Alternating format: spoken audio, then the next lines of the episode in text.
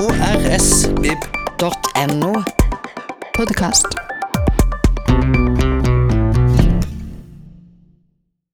Vi har fått besøk av en vi har eh, satt stor pris og blitt glad i i mange år mens han bodde her i byen.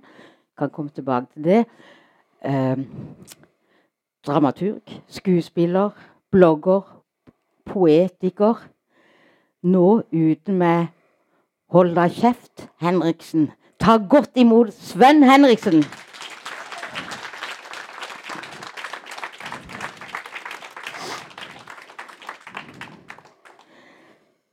Ja, hei og gratulerer, Sven.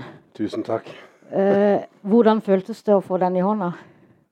Det er, eh, det er litt rart sånn etter å ha Jeg har skrevet plutselig 13-14 teaterstykker. Men de er på en måte bare sånn støv som blir borte når eh, den er ferdigspilt. Men dette er liksom håndfast. Ja, ja for det, når, du får en sånn, eh, et manus tilbake, så er, så er det jo papirbunke Ja, nærmest. ja.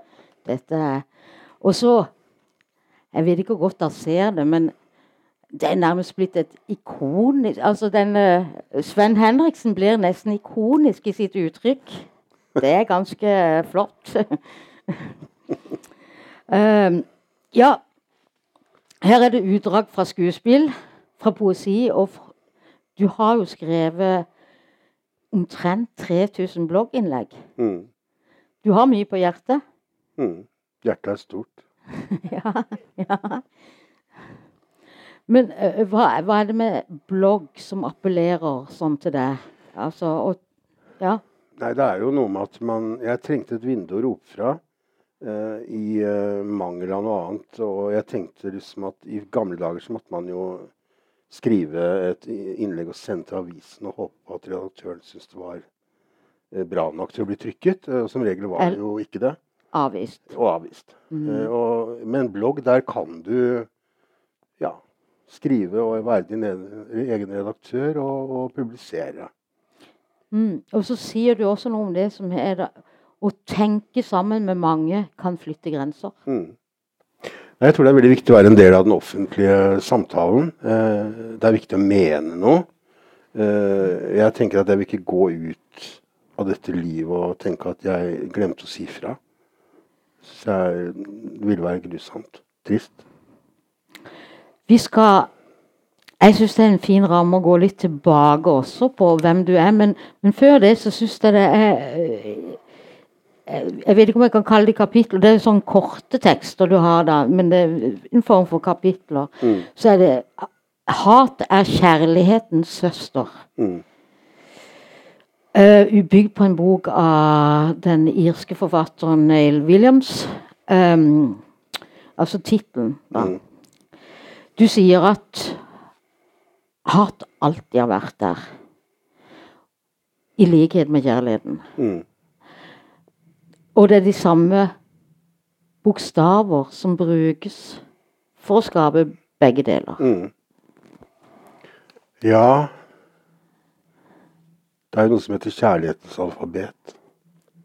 Jeg tror man, eh, man, eh, man Hvis man stavler bokstavene riktig, så kan de få en veldig lindrende effekt. Hvis man stabler dem feil, med vilje, så kan de få en drepende effekt. Jeg tror ord, vekten av ord er noe vi har eh, mistet forståelse for hvor viktig ord, hvor mektige ord er, hvor viktig det er, og hvor mye ord kan forandre. Og hvor mye ord kan eh, åpne for forsoning. Ikke sant? Språket er jo eh, Våpen er våpen, men språket er liksom så rikt. Og det har så mange muligheter, så mange veier å gå. Og, og hvis vi tør å snakke til hverandre på en ordentlig måte, så tror jeg vi kan oppnå mye mer med en- med- enn med å bruke knyttnevene eller våpen. Eh,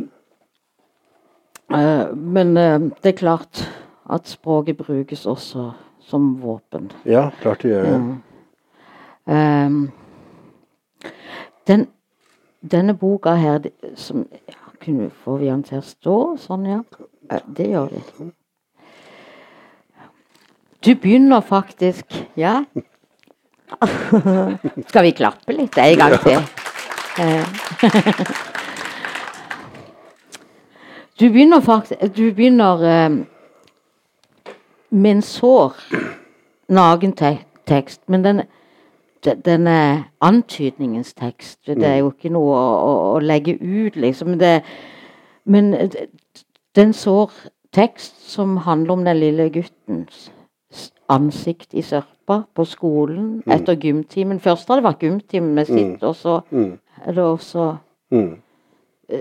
Hvem er denne gutten? Det er meg. Ja. Eh, jeg fikk et tilbud fra et annet forlag som ville lage en sånn eh, bekjennelsesbok, da. Eh, og jeg ville ikke lage en sånn eh, 'se hvor forferdelig jeg har hatt det' og 'stakkars meg'-bok. Fordi det har vært gjort før, og jeg syns på en måte at min barndom var en veldig tøff periode. Men raseriet er vel det som driver meg. F- altså den gutten han lå der i sørpa og tenkte at en dag så skal jeg stå midt i veien og, og være den som sier ifra. Og det raseriet som han hadde den gangen, det har jeg tatt med meg. Og det er det som fremdeles driver meg i alt jeg gjør. Uh, jeg skrev et lite dikt til den gutten. Uh, og det er sånn Den lille gutten jeg var, kan jeg ikke huske. Men jeg husker en strikkejakke og et par skråstilte øyne. Hadde jeg vært der da, så skulle jeg strøket han over kinnet og sagt det går bra.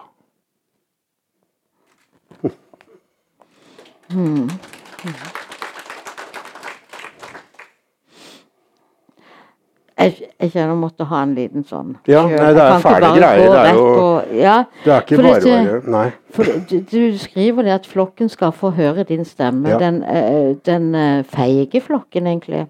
Ja, altså det er Når mengden, massen eller når flokken setter seg i bevegelse, så er det veldig vanskelig å være en motstemme til den. Det er i, både i bitte små og i veldig store ting. Så er det veldig vanskelig å være den ene som sier at ja, men det er kanskje ikke riktig, det vi har blitt enige om nå. Alt fra flyktninger til, til småkaker. Altså, ja. Og, og da skal man legge ting i den rette boksen, og vi skal bestemme oss for at dette er vi enige om, og så kjører vi.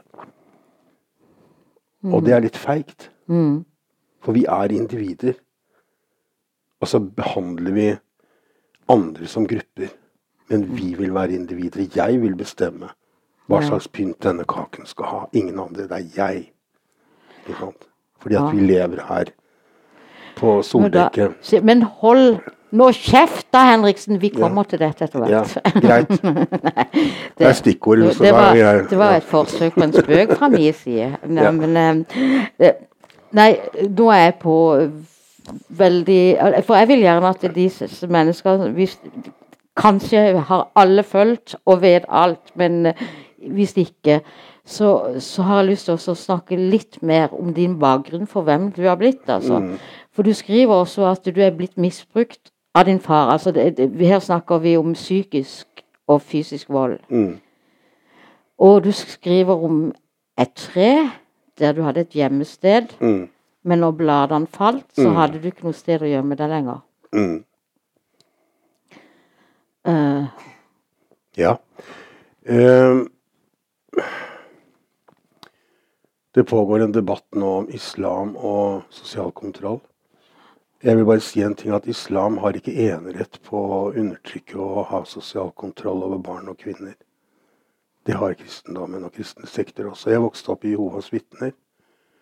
Eh, Min far var en av lederne der, og han var eh, på eh, overflaten og på utsiden en, en, en praktkar. Eh, en eh, mann å stole på. karismatisk. Karismatisk og alt det der. Og så var han en, en voldelig uh, djevel hjemme. Uh, det vokste jeg opp med helt til jeg var 16 år. Uh, så det har jo på en måte formet meg til å bli den jeg er. Det har blitt Det har tatt litt lengre tid for meg å komme fram til å bli den jeg er blitt. Men jeg tror det var viktig. Eh, og når alt datt ned til slutt der det skulle, så er jeg egentlig litt takknemlig for den barndommen. Jeg, jeg, jeg, Ja, ja. Nå har jeg fått det på avstand. Eh, Fordi at eh, du da har fått oppleve mye, men vondt, og blitt sterkt. Er det Mm. det du Ja, så er det noe med at det er også veldig mye bra å si om mine foreldre. Ja. Det var, det var ikke bare mørkt. altså Det høres ut som jeg har levd i en sånn terrorcelle under jorda. Det har jeg ikke. Nei. Nei, men jeg har, det var fælt, men det var også lys der. Og, og, jeg som voksen tenker at eh, det barn opplever nå rundt omkring i verden, er også det jeg opplever, kan ikke sammenlignes. Så jeg, jeg, jeg ja. Ja, Det er jo alltid problematisk hvis vi skal sette det opp mot det verste. Mm. Ja, men men- men jeg, her så tenkte jeg jo også at dette har vært med på å forme den du er. At du har fått styrke Mm. med å måtte stå alene. Mm. At du har fått eh, synden banka ut av deg, holdt jeg på å si. ja, det hjalp ikke. Nei. Nei. Eh, Nei, men, men ikke, vi, vi skal ikke gjøre det for smått, det du heller har gjort. Nei, det skal altså. man ikke gjøre. Absolutt ikke. Og det, det, var et, eh, det, var ikke noe, det var ikke noe gøy Nei. å være gjennom det. Og eh, skulle gjerne vært det foruten. Ja, For du sier vel egentlig at, det, at du Du hedrer ikke din mor og din far, men du er glad for at de har født deg. Ja, jeg skriver en del om det. Jeg, jeg tenker at eh, Jeg har noen linjer som er sånn at tenk om vi kunne bli så voksne at vi innså at våre foreldre også bare er noen stakkars forhutla mennesker. Mm. Og selv om de har tatt på seg den tunge jobben å sette oss til verden, så trenger vi ikke å elske dem av plikt. Mm. Ja, og, og, og du skriver om eh, din mor som eh, sannsynligvis fordi du ikke orka, satt i et helt annet rom Mm.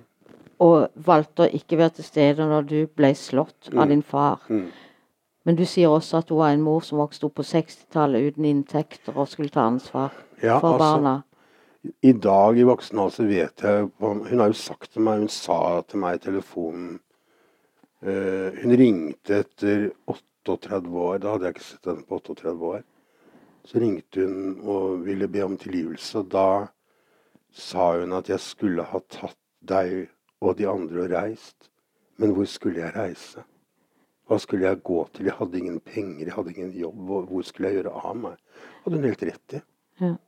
Eh, Så jeg skjønner at det var en, en annen tid. Eh, Det skjønner jeg. Men, eh, og jeg sa jeg har, ja, jeg har tilgitt deg, men jeg vil ikke se deg. Jeg husker ikke hvordan du ser ut, jeg vet ikke hvem du er. Men eh, Nei, jeg vet ikke om dette blir for nær, men, men jeg tenker hvis Ja, hun så bort, men var hun kjærlig til stede når hun kunne? Ja, det var jo en gammel kvinne som ringte. Ja. Jeg tenkte jeg kan Nei. ikke dra og skremme henne opp. Og, Nei, jeg tenkte når i, i barnetida Om Var hun var- kjærlig til stede når hun kunne? da? Eller, for dette Nei, hun fødte jo barn hele tiden. Vi er jo Ja. syv søsken. mm, Så hun hadde vel ikke tid til så mye annet enn å, Ja. å sette barn til verden og prøve å overleve i det hjemmet. Mm. Men, altså, dette var Jehovas vitne, og Mm. hva slags forhold har du til religion nå? For det skriver du litt om. Eh, mm, jeg var vel 50 år hvor jeg innså at det kanskje kan finnes kristne mennesker som er ok. ja. Mm. Men uh, i dag har jeg et helt uanstrengt forhold til kristendom. Mm. Folk kan tro på hva de vil, om de vil tro på Donald Duck, vær så god, eller hva de nå vil. Gud, Allah. Jeg tror ikke på det. Mm. Jeg tror ikke på Jeg, jeg er ikke kristen. Mm. Men jeg, har, jeg lever etter de kristne verdiene. Mm. Fordi at jeg syns det er veldig fint og vakkert å oppføre seg å være god, å være sjenerøs, være forståelsesfull, være, dele, se menneskene. Alt det som Bibelen sier, syns jeg er helt strålende. Alt. Nesten alt. Ja. I hvert fall ikke i det gamle, da, men i det nye. Å altså oppføre seg som et anstendig menneske. Det er jo det det kristne budskap egentlig går ut på, sånn som jeg øh, har forstått det. ja. Spesielt i testamentet, som du sier. Ja. Ja. Mm. Uh, men jeg orker liksom ikke gå og vifte med den, uh, Jeg, nei, jeg er ikke noe troende. Nei. Ikke i det hele tatt. Men jeg tror på det gode i menneskene. Men du har opplevd, og, og det jo, har jo skjedd stadig, altså at det er overgrep i Guds navn. Ja. Det er det. Det, det, det var du utsatt for. Ja, jeg har en bror som tok livet av seg, og en søster som, som er på psykiatrisk. Det er ikke noe Du kan ikke unnskylde det. Det er i Guds navn. Det, det, jeg finner meg ikke i det. Jeg, jeg syns det er helt Og det må tas tak i. Rett og slett. Hva, hva mener du med at det Nei, altså Det må tas på alvor. altså Den debatten som pågår nå, som hele tiden prøver å plassere en ytre fiende i dette landet.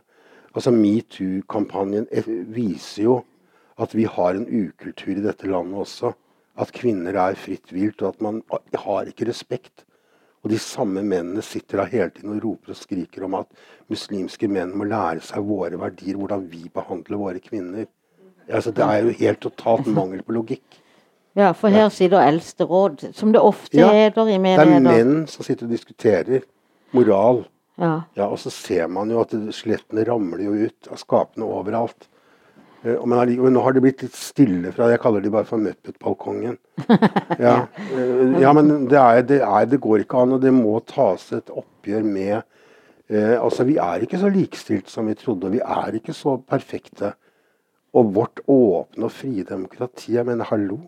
Ja. Ja.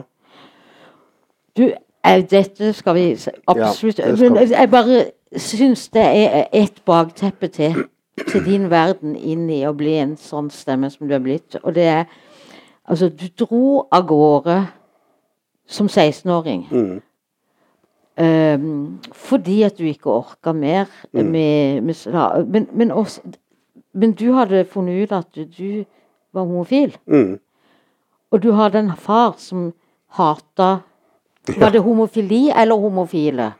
Nei, altså Eller han, han kom til Jeg kan fortelle dette veldig fort. Eh, jeg hadde jo mottatt disse slagene i, i, fra jeg var ja, 6 til jeg var 16. Og da snakker jeg om den alvorlige, harde Eh, Og så kom vi til en dag hvor jeg hadde vært og kjøpt meg eh, sånne slengbukser som vi ville ha den gangen. Eh, Og så så han, så tok han en saks og klippet dem i stykker og sa at sånn får ikke du gå. Da kjente jeg sånn raseri som bare skjøt fart. Og så tok jeg tak i han, og så gikk jeg på han, og så slang han i veggen. Og sånn, og så gikk jeg ut av huset, ned i, i, i der jeg hadde rommet i første etasje, pakket en sekk, gikk ut, og så så jeg garasjedøren stå åpen. Der sto bilen hans, en hvit Mercedes. Så helt i, i affekt tok jeg og reiv ned en sånn slegge, og så slo jeg den bilen sønder og sammen, og så gikk jeg. Ja, for noe kjøring har du aldri bedrevet, Nei, Svein jeg tar, nei, jeg, nei. Jeg tok jo en kjøretime. Det er en helt annen historie. Ja. Da, Nei, men han var- kjørelæreren så fortvila på meg og så sa han, jeg tror det blir billigere tar taxi. ja. Så, nei, det ble litt sånn Hva kommer nå, når du snakker om eh, Ja, men, men, men uh, hva, hva var spørsmålet?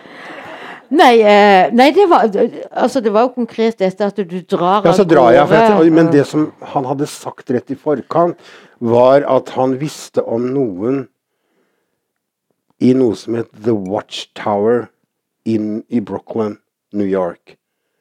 Hvor jeg kunne bli sendt for å bli kurert for homofili. Ja. Og da tenkte jeg han er så farlig at jeg må komme meg vekk fra dette huset. Ikke sant? Men da må jeg spørre deg om en ting. For dette, når du har levd med Jehovas vitne, der en hele tida får over seg at du egentlig er et så syndig menneske, Mm. klarte du å tenke så klart at det, jeg er homofil, det er ikke noe galt med Nei, meg, og jeg må dra? Eller Jeg tenkte ikke så klart. Jeg tenkte jo altså det som skjer når du oppdager at du ikke er heterofil, så er ikke det første du tenker at jeg er homofil. Du tenker at jeg er den eneste i verden som føler det jeg føler, og det er noe alvorlig galt med meg. ja, det, For du det- har ikke hørt om homofili. Mm. Det hadde, jeg hadde ikke hørt om det. Og jeg tenkte hvorfor, hvorfor er jeg så betatt av den mannen Mm. som var en lærer? Ikke sant? Haka datt ned. Og jeg ble redd. Og så skjønte jeg jo jeg Men det var min far som satte bjelle på katten ja. og forklarte meg hva det var. Og tenkte OK, Mm. er det det det er? For jeg hadde jo da begynte jo jeg holdt på å si gå på Google, man gjorde ikke det. Men, men da, da, fikk jeg liksom vite dette. Og så er det en annen historie som er, også handler om akkurat det. For vi året før uh, Jeg var et veldig, veldig overvektig barn. Uh, ikke at jeg er så veldig slank nå, men uh, jeg var stor og tykk, og det var mye svette og angst. Og vi hadde familiemiddag hjemme hos mormor og morfar som var redningen. Faktisk en slags sånn brygge. Og, og, der var far og mor og de åtte ungene og alt som var. Og det var stek, og der satt vi. Og bestefar fant da ut at han skulle live opp stemningen litt. Og så sier han ja, Sven Åge, som jeg heter. Nå er du jo blitt så voksen at du snart må finne deg et kvinnfolk. Og da står mormor i døra til kjøkkenet. Så sier jeg Åsmund, av og til så er du fryktelig kort. Så det hadde hun sett. En alliert. En alliert. Og uten mormor ingenting. For hun var liksom uh, Nei, mormor, hun Jeg kan si uten å bli overdramatisk, men altså Hun reddet meg, reddet meg livet mitt, tror jeg. Hun sa to ting som jeg aldri glemmer, og som jeg har tatt med meg. Hun sa 'folk av folk'. Husk det, gutten min. Og så sa hun det kommer ingenting inn i en lukket hånd. Det kommer. Ingenting inn i en lukket hånd. Mm. Og det er to råd som, som er viktig å huske på. Mm. Og da går det som regel greit. Mm. Det gjør det. Ja, hvis hun får lov til å bli stemmen din også, da. Ja, og hun er i denne boken veldig ja, hun er, stedende. Hun, hun, er jo For hun den, var Ja. Den uh, vakre sjelen inni mm, boka her, kan det. man nesten si. Det er henne. Hun er der. Men, øh, ja, nei, jeg skal kanskje ikke utdype det, men, men jeg bare har snakka med mennesker som har stått så sterkt i den der kristne mm. med nesten demoner og djevler, og ja. man skal Når man da har en sterk far som sier du skal reise til Amerika, ja. og, og, du klarer å du, du er er sikker da på at ikke du bør prøve å ta den turen og bli frelst? Jeg kan jo ikke påstå at jeg var så klartenkt og så klok, men jeg været at her er det noe som er veldig farlig. For jeg så hvor gæren han var plutselig. Mm. Mm. Og, og, og, akkurat fanatisme det, og galskap, det kan du ikke ta feil av. Når du ser det i øynene ikke sant, til et menneske. Mm. Du ser når du, du Alle mennesker værer når dette er Nå er det farlig. Ikke sant? Det gjør selv barn. Mm. Ja. Uh, så er det en annen ting som har ligget som en familiehemmelighet, og det er det samiske. Ja. det er ikke måte på. Som uh, du var 30 når du Ja, nei helt sånn tilfeldig så uh, kom jeg i kontakt med det samiske nasjonalteatret. Og da rullet jo hele min families historie opp. Hvor uh, det viste seg at min far uh, kommer fra en samisk slekt, er 100 same. Det betyr at da er jeg halvt same. Og det har jo åpnet opp for en kanskje mest en forståelse for min fars Jeg velger å kalle det sykdom. Mm.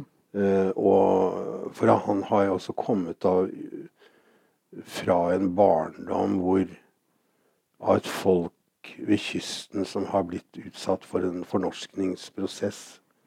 Gjort usynlig. Det viser at min familie ble tvunget til å ta et norsk navn i 1928 for å eie den jorden de alltid hadde eid. Jordfesteloven. Og da forsvant det samiske folk med et pennestrøk langs hele denne kysten. Og han har jo blitt kalt for uh, slogfinn og lappfan og alt det der opp gjennom hele. Så han har jo ville jo bare bli en norsk mann. Uh, og jeg tror nok at det har vært veldig mye smerte i hans liv som overhodet ikke forsvarer hvem han ble. Eh, men eh, jeg forsto plutselig veldig mye mer av dybden i hans store desperat, desperasjon som voksen så kan jeg se at han var en desperat ulykkelig mann. Som har, også har blitt uh, tråkka på. Uh, og det er viktig å få med Mm. I det bildet. Så det er alltid en grunn, tror jeg, til at folk blir og gjør det de gjør. Ja. Det er jo også mye du prøver faktisk å s- Du prøver å skape mye nyanser i, i denne boka. Ja. Og, og, og dette her også, Mm. med han. Selv om det aldri kan unnskyldes. Nei, Det kan ikke unnskyldes, men det kan forklares. Mm. eh, Og det tror jeg er veldig viktig å For hver, ingen er, altså ingenting er jo svart-hvitt. Mm. Og mamma eh, på en måte satt der eh, Og jeg forsvarer også henne litt fordi at kjærligheten gjør ofte blind. Og hun elsket den mannen selv om han gjorde henne stort sett bare vondt. Men jeg mener, når man elsker, så elsker man, og da er man på en måte ganske fortapt. Mm. Og den motsatte fortvilelsen. Hvor skulle hun gå? Ja, hvor skulle hun gå, ja. Men eh, dette, dette syns jeg rett og slett er altså, fint å ha som bak, for dette mange kjenner det da Mm. som stemmen. Altså mange i Kristiansand kjenner det jo som musiker og øh, ja, dramatiker. Altså, men, men du er jo utvikla for hele Norge en sånn stemme Mm. som jeg syns det var fint at vi kunne snakke grundig om dette Mm. først. Eller grundig. Eh, få en, et bakteppe. For la oss så gå til noe du fort tar opp her i Mm. boka di. Det er et personlig brev til Santa Sylvi. Ja, Sant Sylvi, ja. Som handler om hennes dobbelthet. Ja. Om et fritt, åpent demokrati. Mm. Ja. Kjør på. Nei, kjør på. Ja, det, jeg kan holde på i timevis. Nei da. Men uh, Sylvi Listhaug uh, Det er sånn av og til så tenker jeg Hørte jeg rett nå? Uh, sa hun virkelig dette? Ja, hun gjorde det. Så jeg skrev et, et åpent brev til Sylvi Listhaug. Det er et blogginnlegg som kanskje ble vel delt over 100 000 ganger. Det ble trykt i Aftenposten og overalt. Eh, de dagene den, altså Rett etter at det ble publisert, så ble bloggen min hacket, og den har aldri kommet til seg selv igjen. Eh, Den sto bom fast. Der lå en hinne av slim liksom over hele Så jeg måtte Og jeg, vi har prøvd programmerere i New York og alt for å få den opp og stå, men den er død. Så noen ville veldig gjerne at jeg skulle være stille da. Men eh, vi har greid å Altså, tekstene blir reddet, for de lå De ligger der, så man kan printe ut. Men nok om det. Men jeg skriver Hei, Sylvi. Du og jeg, vi har aldri møtt hverandre. Men jeg føler at jeg kjenner deg fordi at bildet av deg, det er liksom det vi har sett mest av de siste fem årene. Og du og jeg, vi er ikke enige om altså stort sett ingenting, bortsett fra at, at hele verden ikke kan komme til Norge. Det skulle jo tatt seg ut. Hele verden. Hele verden er jo ikke plass til hele verden i Norge. Så er det bare det at hele verden vet jo ikke hvor Norge er engang. Og så er det det, Sylvi, at du kaller meg for aktivist. Eller du kaller meg for aktivist. Og så ler du. Og så sier du at eh, disse aktivistene, de driver og hyler og skriker hver gang de ikke får det som de vil, og er uenige med det politikerne bestemmer. Og så hyler de helt til de får det akkurat som de vil. Men så skjønner du det, Sylvi, at du sier jo hele tiden til oss at de som kommer hit, må forholde seg til vårt åpne, frie og likestilte demokrati. Men du skjønner at det vi gjør når vi hyler og skriker, er Vi benytter oss av demokratiet. Det frie, åpne, likestilte demokratiet til å si at ja, men vi er uenige, og så får vi det som vi vil. Og så er det bare én ting til, Sylvi. Vi, vi gjør det helt gratis. Gjør det på fritiden. Og vi gjør det med glede. Ja. Sånn kort fortalt. Det er litt lengre, da. Jeg tok det sånn cirka jeg husker det. Mm. Du har eh, Hvis du skulle ta et utdrag fra boka som jeg tror du husker ut, Mm. uten, så er det jo faktisk til nok en minister. Ja, altså det er noe med Vi har jo hatt to kulturministre. Først hadde vi Toril Vidvei. Og når vi trodde det ikke kunne bli verre, så kom Linda Helleland. Som sendt fra gud vet hvor. Eh, Og nå har vi da Trine Skei Grandes. Altså jeg skrev i utgangspunktet et rasende dikt til eh, Toril Vidvei, for jeg syns hun var noe av det mest kunnskapsløste mennesket kulturelt som man hadde da greid å spa opp. Av alle kloke mennesker i Norge, så tok de henne. Ja, blant alle kloke mennesker, sier Ja. du. Eh, Ja, så hun altså, var ja, ja, en av de kloke? Ja. Nei, altså at man kunne jo Det er jo så mange kloke, men så tar de hun. Var det rett? Det var rett. Ja, fint. Vi kjenner hverandre fra siden bronsealderen. Og så kom eh, da Helleland, så jeg sendte det diktet da videre i arv til henne. Og da ble det lest opp i fjor under den store kulturkonferansen i Operaen i Bjørvika av Anette Trettebergstuen. Eh, til vill jubel, mens Helleland da satt og så ned og tastet på mobiltelefonen sin. Det er en liten anekdote til før jeg skal lese det diktet. Og det er det at under en stor festival, under en konsert med Susanne Sundfør, så i, en nydelig ballade, så står da Linda Helleland ved siden Nei, hva Hallo? Ja. Så står hun ved siden av Anette Trettebergstuen, og så midt under den balladen så sier hun Anette, jeg lurer på hvor mange hotellnøtter hele festivalen genererer?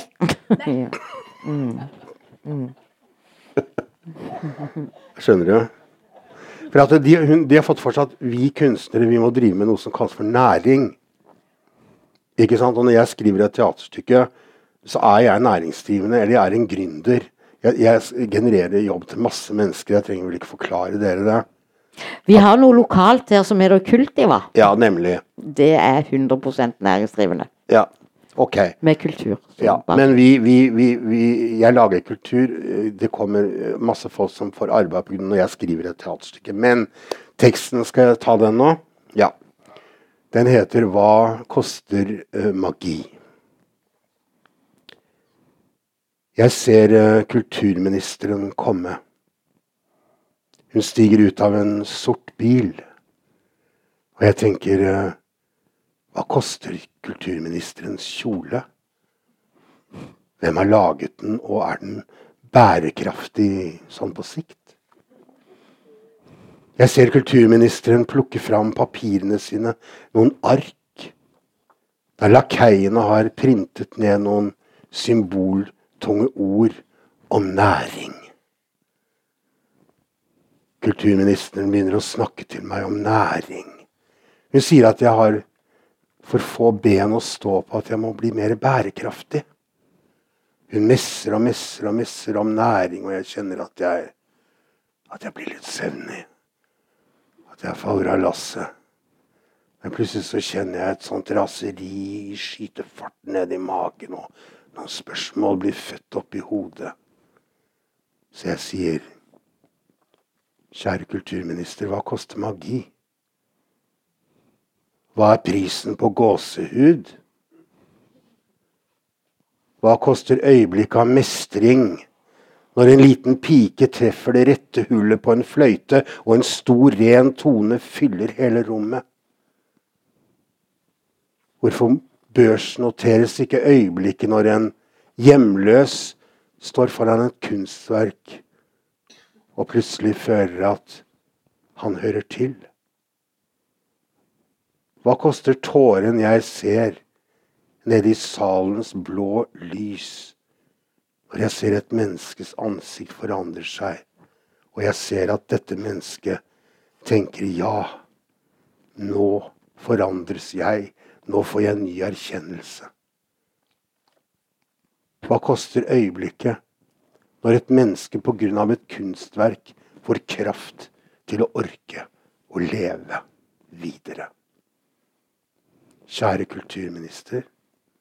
Jeg kunne bringe tonnevis av applaus til ditt bord. Du har helt rett. Jeg har bare dette ene beinet, men det er bærekraftig. Det bærer.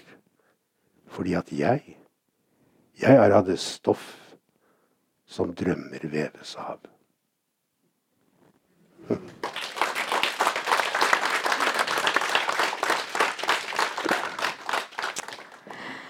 Og det er noe her, Sven eh, Henriksen, eh, med at du liker å, å sparke Slå tilbake på samme måte som egentlig nettroll, eh, holdt jeg på å si, gjør. Men, altså, men du gjør det da uten å eh, true eller noe sånt. Altså, men, men jeg, jeg, så jeg lo litt sånn godt da. Jeg har lyst til denne for, for, det er jo snakk om innvandrere som kommer, og så tar de trygda vår, de tar ja. pengene våre, de får sånn. Så, så, er det en som Altså Det er en som sitter og gnager på en solstål i Thailand mm. mens du hever trygd. Mm. Ikke særlig bærekraftig. Mm. Det er jo ikke det. vi, vi, har litt å, å ta tak i her sjøl også. Eh, men, men, men, jeg syns det er veldig interessant det med at du sparker tilbake, men i en uh, annen type valør, da. Det er jo ikke noe hets du holder på med. Nei, altså, jeg syns det er veldig eh, viktig å prøve å holde en slags anstendighet eh, på internett. Um, men så er det noe som alltid har vist seg at hver gang det kommer et nytt medium, så tar det av en periode. ikke sant? Når fasttelefonen kom, så satt jo alle i den, osv. Og, og, videre, og, videre, og, videre. og internett er Altså at alle er blitt sin egen redaktør, har jo uh, resultert i en veldig ekstrem kløe i fingertuppene. Mm. Og, og, ordene er ikke alltid innom første og øverste etasje før de renner ut på nettet. Uh, så, men jeg er jo i veldig mange harde og tøffe debatter. Uh, og internett eh, særlig sosiale medier er jo et veldig vanskelig sted. Eh, altså humoren på, altså Ironi og humor på Facebook døde jo den dagen Facebook åpnet. Mm. Du kan ikke være morsom, du kan ikke være ironisk, for folk forstår det ikke. Eh, og så er det en ting Hvis jeg f.eks. skriver at Sylvi Listhaug har gjort sånn eller sånn, eller jeg er Siv Jensen og har Fremskrittspartiet eller Høyre eller hva det nå er, Eh, så har jeg på en måte sagt hva jeg mener om den saken på en ordentlig måte. Men så kommer det da veldig mange mennesker som hele tiden må eh, liksom, høy, liksom peise på Ja, Sylvi Listhaug er nazist. Og det blir sånn Nei. Nei. Eller Erna Solberg er en feit sugge. Eh, nei. Vi skal ikke dit. For det er ikke det dette handler om. Vi skal ikke angripe hverandre som personer. Vi skal diskutere saken. Eh, og det, det tviholder jeg på. Og altså, Da begynner folk jeg Har ikke jeg ytringsfrihet? Jo, det har du. Men gå hjem til deg selv, så kan du rope og skrike, men ikke her hos meg. Og Det syns jeg alle burde gjøre. altså Rydde og si at hvis du føler trang til å kalle folk for eh, ting, så ikke gjør det her hos meg. Jeg vil ikke ha det. Da tror jeg Internett blir et mye mer hyggelig sted. For Internett er fantastisk. Eh, og det er et fint sted å være. Det, alt finnes der. Og det er en gave. Du treffer venner, du kan holde kontakten, du kan ringe gratis over hele verden. Kan, det er så mye bra. Men så skal vi er det så mange som skal bruke Internett som en sånn privat spybøtte. Og bare ut med alt. Og så bare å, der, der, der, der. Eh, og men, det liker jeg dårlig. Men altså, du sier det, det det er, godt, det er bra med internett, men du, altså, du snakker jo også om mørkerommene på, mm. på, nettet, der du har lyst til å være et lys. Et ja. lite lys. Ja. For det er Men eh, du, det er bra med internett, vi, vi, er blitt mer opplyst, men det er samtidig blitt et sted hvor alle meddeler sitt, og det er til tider ganske stygt. Ja, men noen steder nytter ikke å tenne et lys. Nei. Nei, det nytter ikke, for det, det, det går ikke. Det er for fuktig der. Og, og rått. Eh, og noen mennesker vil ikke ha lys inn. Men jeg syns ikke vi skal eh, Altså, de verstingene eh, som er der eh, Når de kommer, nei, altså kommer veldig tett på meg, så da blir jeg bare sånn Jeg tenker at mm, nei. For at de, de folka der har bestemt seg. De er de urokkelige. Eh, Og det er de, det er de som virkelig er eh, rasistene, på en måte, og de verstingene som kommer og eh, tar deg. Jeg har jo blitt overfalt av nynazister på pub. Da vet du at det er farlig, og da må du bare få noen til å hjelpe deg fort, for at de menneskene er farlige. Og du møter dem på internett, og de er der. Ja. Eh, og da må du vite hva du gjør, og du må vite at nå er det bare om å gjøre å stenge og blokkere og ringe politiet, eller hvis du, hvis du kommer ned i den nederste eh, eh, understrømmen av gørr Men den er ikke stor, Nei, men den er der. Og, og, og de fleste mennesker er aldri i nærheten av den. Du har tre eh, Altså, du har det Hvis du skriver om Og vi må snakke og, mer om det, romfolket, eller Frp og integreringspolitikk, Mm. eller i det hele tatt asylpolitikk, da er du sikra Eller da Da kommer det. Ja, da, da smeller det. Uh, og det smeller av og til skikkelig. Det er noe med Men mest på bloggen, uh, hvor det kommer inn de mest hårreisende uh, Altså, du, du blir jo av og til litt mørkeredd. fordi at det er så mye Folk har så mye rart for seg. Mm. av forklaringer på hva som kan skje hvis vi slipper inn for mange som ikke er som oss. Og blant de som eh, Ja, eller for å si det sånn først, da. Altså, du Men før du flytta til nord så, Mm. og bodde i Oslo, så, så ble huset påtent. Da vet du ikke helt hvem, men eh, Ja, nei, men det Men du hadde nettopp skrevet noe. Mm.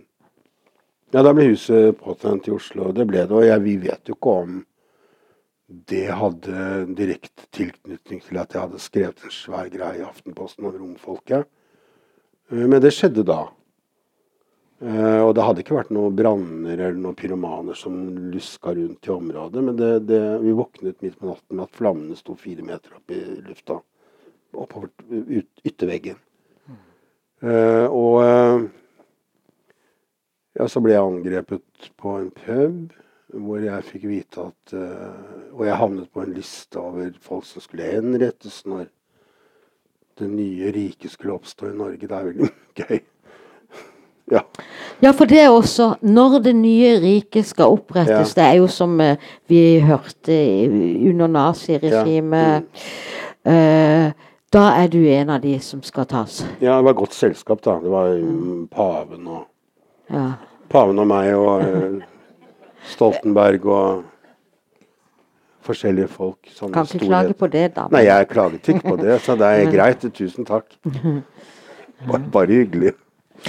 Men vi var innom romfolket, for, og det er klart det var en dokumentar, som du også sier, fint å avdekke, men, men eh, når det gjelder at romfolket skal da bestå av eh, narkotika og sexsalg, Mm. Så foreslår du ja, eh, Eller så sier du først at eh, jeg tror ikke de, utve de utveksler vel ikke egne tjenester. Det må Nei. jo være til det norske folk Ja, dette skjer. Det, det må jo være noen kunder der Mm. eh, som benytter seg av dette voldsomme store tilbudet plutselig i Bergen. Eh, det var jo ikke måte på. Det var jo hundrevis av prostituerte som frekventerte Torvaldmenningen plutselig. Eh, og ingen turte å gå ut. Men butikken gikk jo veldig bra. Så jeg vet ikke hvordan de ordnet seg i Bergen. De fleste skjer jo i smug i Bergen, det vet vi jo. Du har jo det samme engasjementet i forhold til ja, f.eks. i oktober 2017 var det 327 asyl... Mm. Eh, eller flyktninger som kom til Norge mm. fra Afghanistan, som vi ikke har plass til. Mm. Fordi at de er så sterke at de har klart å komme seg hit. Ja. Det er som med banken.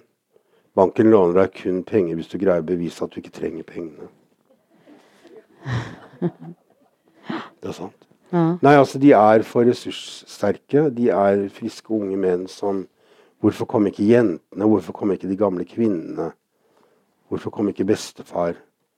Nei, fordi at guttene de kommer til Norge fordi at de ikke vil bli rekruttert av eh, IS og Al Qaida og den gjengen der. Eh, selvfølgelig, de er jo i, snart i, De er jo soldater. Eh, kommende soldater. De, de, de vil ikke det. Jeg har sittet kveld etter kveld og snakket med mange av de afghanske guttene i Mo i Rana som nå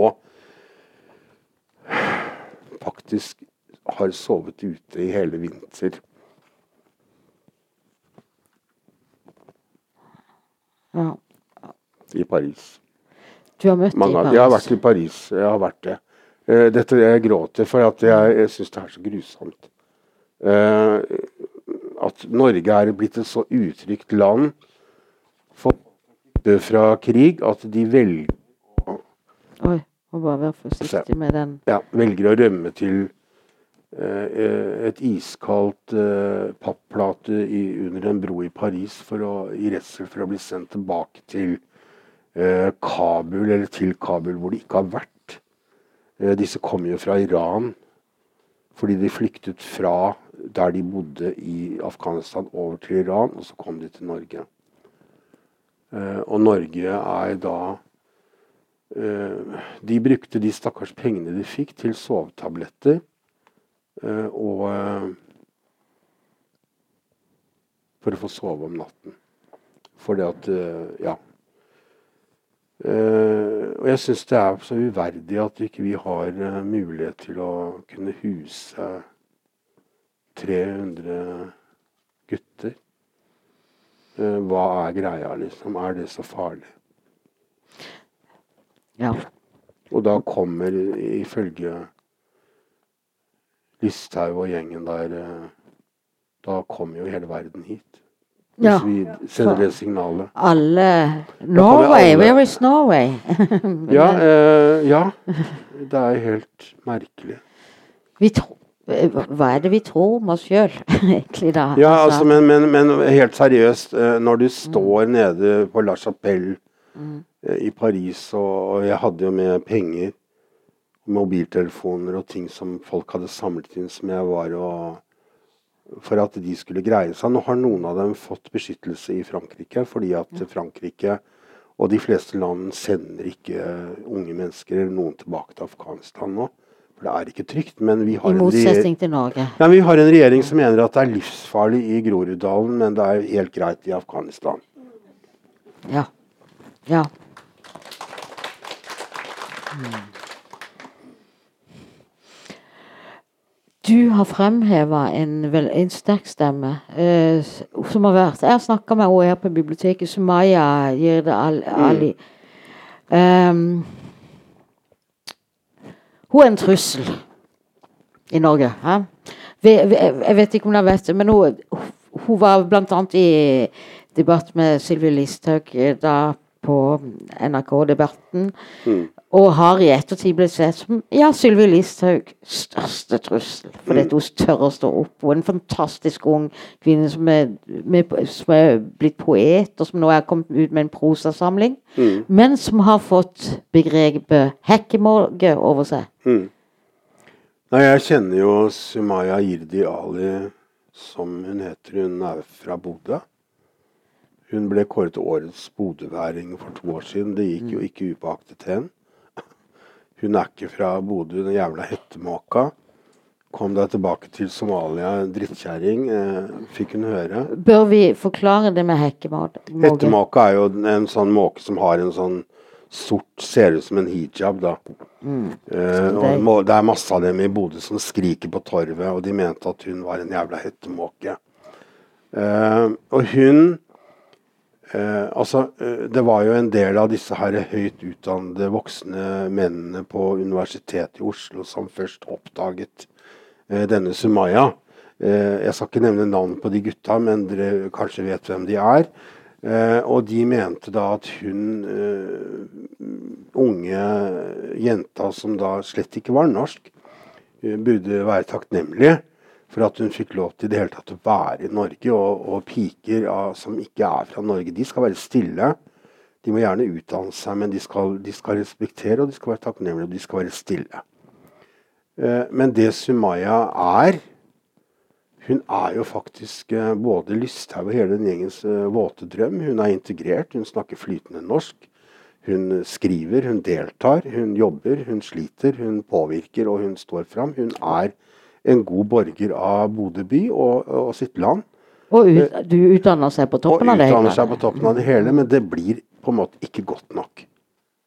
Nei, blir hun en trussel, da? En, altså, øh, jeg syns jo ikke det, men altså, for dem er jo hun en trussel. Eh, og, øh, og hun bryter jo sammen uh, fordi at hun er jo utsatt for dette her presset hele tiden. Eh, og må leve med konstant beskyttelse av politiet og med voldsalarm. Eh, og det er jo faktisk ikke noe godt skussmål eh, i verdens mest likestilte og frie og åpne demokrati at vi må ha det sånn bare pga. hudfarve.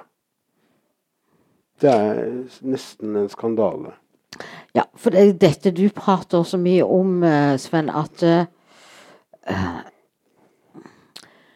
At disse hvite middelalderensmennene som roper opp Ja. mot hva? Nei, altså Alle disse som ikke integrerte, liksom. Ja, altså det er noe med at eh, jeg kan ikke forklare det på annen måte enn at de vil at Norge skal være hvitt. Eh, de kjenner ikke landet sitt igjen. Eh, de mener at hun har, har ikke noe her å gjøre. Eh, alt var meget bedre før. Alt var ikke meget bedre før. Jeg kom til Oslo i 1971. Da var Oslo en livsfarlig by på natten. Når alle bøndene kom inn til byen og dælja løs på alt de så. Ja, og jeg, vi homofile. Vi var jo på, gikk på Metropol som lå i Akersgaten. Selv politiet var etter oss. Altså I 1971 så hadde de homofile i Norge ikke Grunnloven på sin side engang. Ikke sant? Og det sto store gjenger og, og, og, og passa oss opp og, og banka oss. Eh, og, så Oslo, eller Norge var ikke bedre før. Norge, Oslo har blitt en fantastisk fin by nå, syns jeg. Etter alle disse år. Men de savner Jeg tror de lengter tilbake til en eller annen slags nostalgisk greie om at den gangen Norge var bra. Ja. Det betyr altså den gangen bare det bodde nordmenn her. altså eh, jeg kan, og, noen av de er jo til og med yngre enn meg. Jeg forstår det ikke. Eh, ja, Av år? Gans, ja, ganske, ja. Av år, ja. Du kunne, altså, det har jeg lyst til å si. Du er, er registrert som født i 1955. Ja. Ut ifra hva du holder på med, så ville jeg liksom fort ha tenkt Hadde jeg ikke sett, kjent det og sett det liksom for Ja. noen år siden, ville jeg tenkt 1985 iallfall. Du må ha et bilde på loftet, Randi. Ja. Nei, men du er, jo i, du er jo i den aktive verden. Globetrotter og, og, og, og blogger og det hele. Og det, det er godt å se. Men så må jeg bare komme med en innspill. For dette du nevner også Hadia Tadik i dette spørsmålet. På en av de som vi ikke Altså, vi vil ha folk som kan fungere, og, da angriper vi innvandrere. Og så, hvem fungerer jo hun Sunaya og Hadia? Ja, Hadia Tadik er jo altså, Hvis hun blir Arbeiderpartiets neste statsministerkandidat, så tenker jeg liksom Ja, hva er problemet? Men da river jo folk av seg håret på internett, og nei og nei, og jorda grunn. Nå blir vi snikislamisert, og det er ikke måte på og, eh, altså, eh, og det er jo skrekk og gru. I London har de jo en pakistansk eh, borgermester, og det går jo utmerket, det. Eh, og, og jeg mener jeg er, er og jobber i New York i, i lange perioder og sitter der og skriver og alt mulig. Jeg bor jo i, midt i den derre hvor altså Hvis man skal begynne å krangle på at du ligner ikke på meg i New York, så går jo alt i stykker. Det går jo ikke an. Eh, og så lenge du oppfører deg og, og er hyggelig og grei, så spiller det jo ingen rolle hvor du kommer fra eller har lyst til å gå med en lampeskjerm på hodet. Vær så god. Bare du ikke plager meg. Og det, det er jo ikke verre. Eh, og hvis folk har lyst til å tro på hva de nå uh, har lyst til å tro på, så kan de ikke bare få lov til det. Så lenge man forholder seg til liksom, noen kjøreregler som handler om at vi, må, vi, er i denne båten sammen, og vi må jo få det til å være litt hyggelig her den korte tida vi er her. Eh, men her skal alt liksom Man skal stille krav, krav, krav. Ja, det er greit, men er det noen som ikke stiller krav? Altså, man må jo, man må jo stille krav. De må jo forholde seg til norske lover. De må, de må. Ja, er det noen som er uenig i det? Jeg har ikke møtt noen som sier at nei, utlendinger de må få lov å gjøre som de vil. Jeg har jo ikke hørt noen si det. Eller jeg mener at nei, de må jo få lov å, å, å gjøre sånn og slik og, og gifte dattera si bort når hun er tolv år. Det er jo greit, for de er jo utlendinger. Du snakker du gemyttlig. Hvor sint kan du bli på disse tingene? Men akkurat på de tingene blir jeg mest lei meg og, og ulykkelig. For jeg syns hvorfor skal vi gjøre det så veldig vanskelig? Eh, mm. når, det kun, når, det egentlig er så enkelt. Mm. Men politikere oppi dette, for dette, den siste valgkampen Islamsleiking og svenske tilstander. Mm. Til og med Språkrådet reagerer på ja. hvordan det politiske debatten har havna til.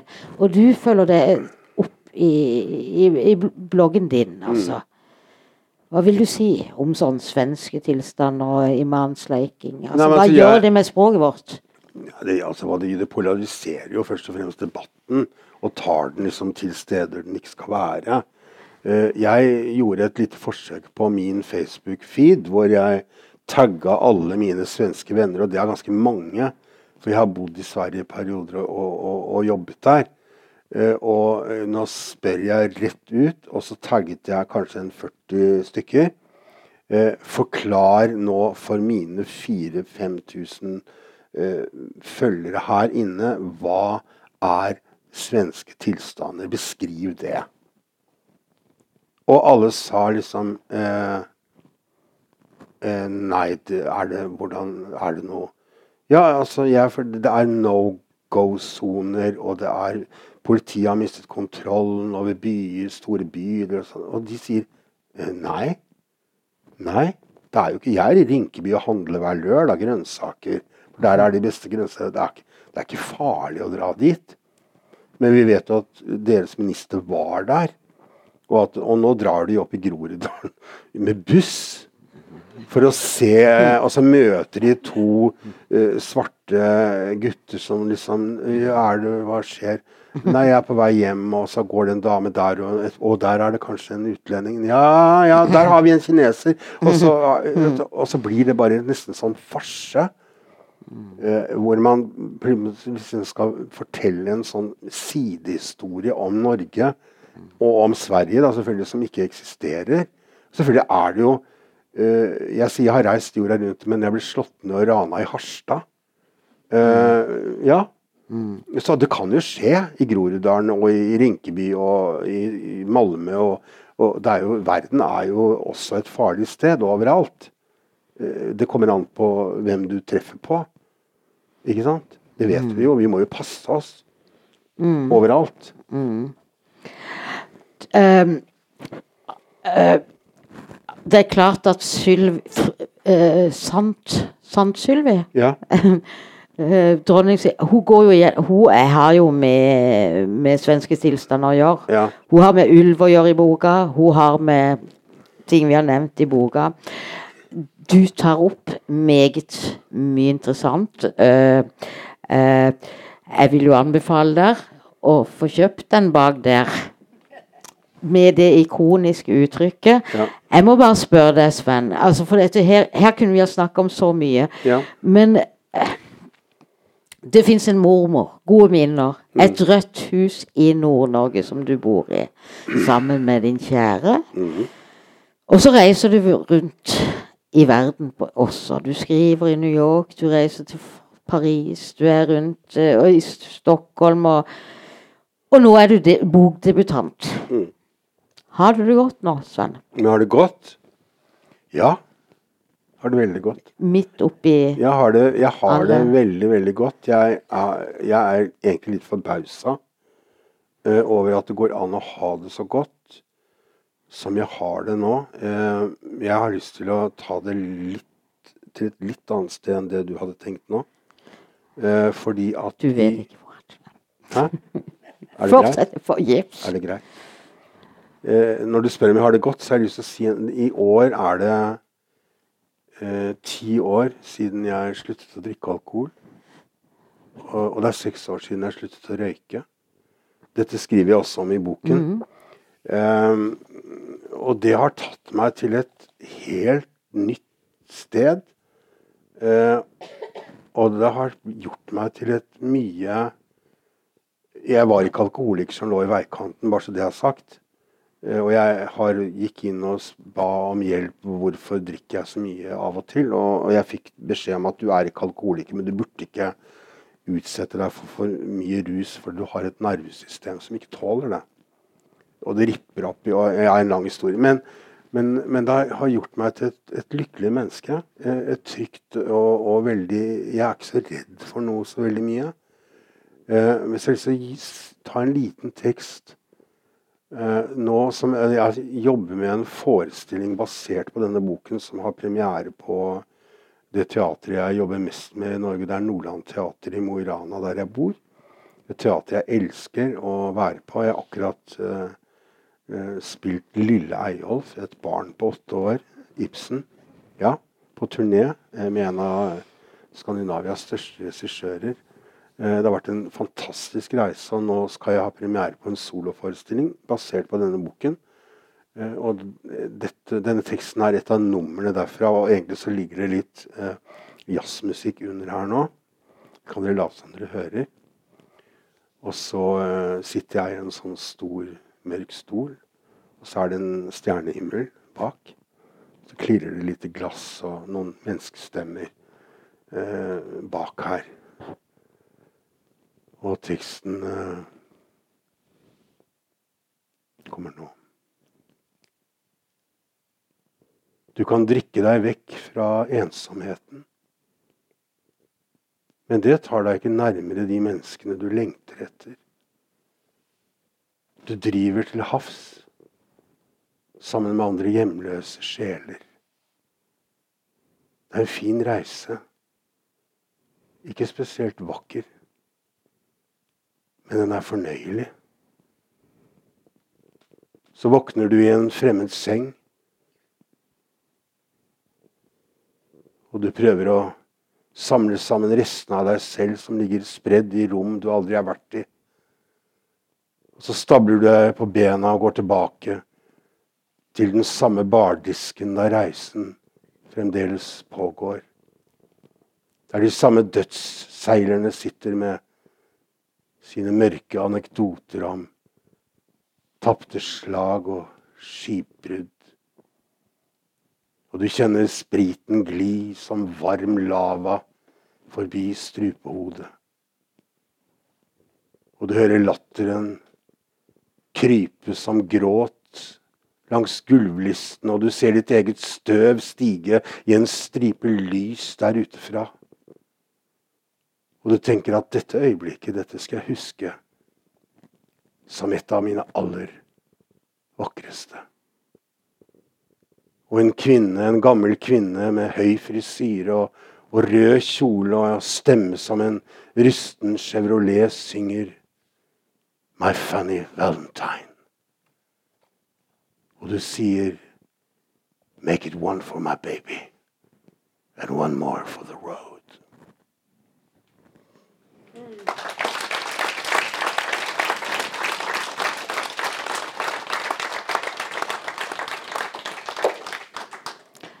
Du skriver også for teatret her. Ja, jeg skriver for Kilden akkurat nå. En, et teaterstykke om sosial kontroll i Jehovas vitner. Skal Tu- hete Johannes' åpenbaring. Ja. Right. Mm.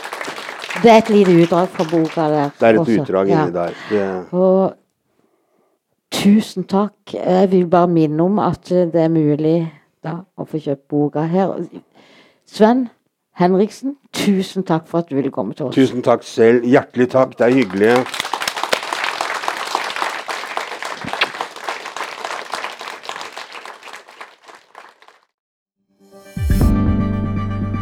Flere podkaster fra oss finner du på Google Podkast, Apple Podkast eller iTunes, eller ved å stikke innom vår hjemmeside på krsbib.no.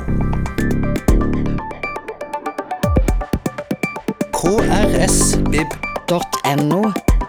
Podkast.